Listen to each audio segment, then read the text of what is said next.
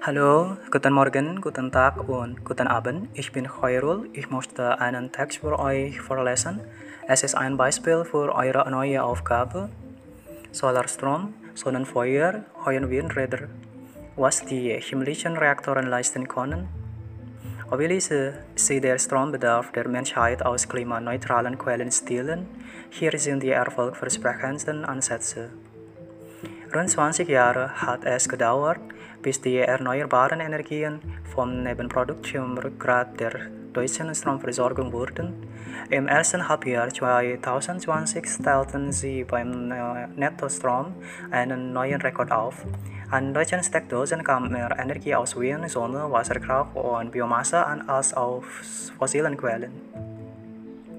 Geholfen haben dabei zwar ein milder Winter und ein windiger Frühling, doch die Aufholjagd der Ökoenergien ist beachtlich. Seit 2015 hat sich der Anteil von Wind- und Sonnenkraft in der Stromerzeugung global verdoppelt.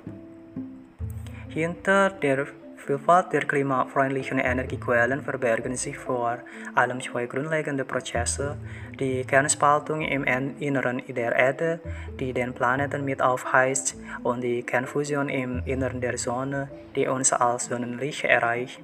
Die Strahlung unseres Heimatsterns reicht theoretisch aus, um ein Vielfaches des globalen Energieverbrauchs zu decken. Höhenwindräder Besonders ergiebig bläst der Wind mehr als 300 Meter über, die Erde, über der Erde, fernab der Reichweite klassischer Rotoren mit fliegenden Turbinen an Drachen oder Wasserballons ließe sich besonders viel Energie ernten, weil der Wind in diesen Höhenlagen kräftiger und mit geringerem Flautenrisiko bläst. Der Ansatz wird Airborne Wind Energy oder AWE genannt. Doch die Steuerung der Anlagen ist komplex. Bislang ist die Technik noch im Experimentalstadium.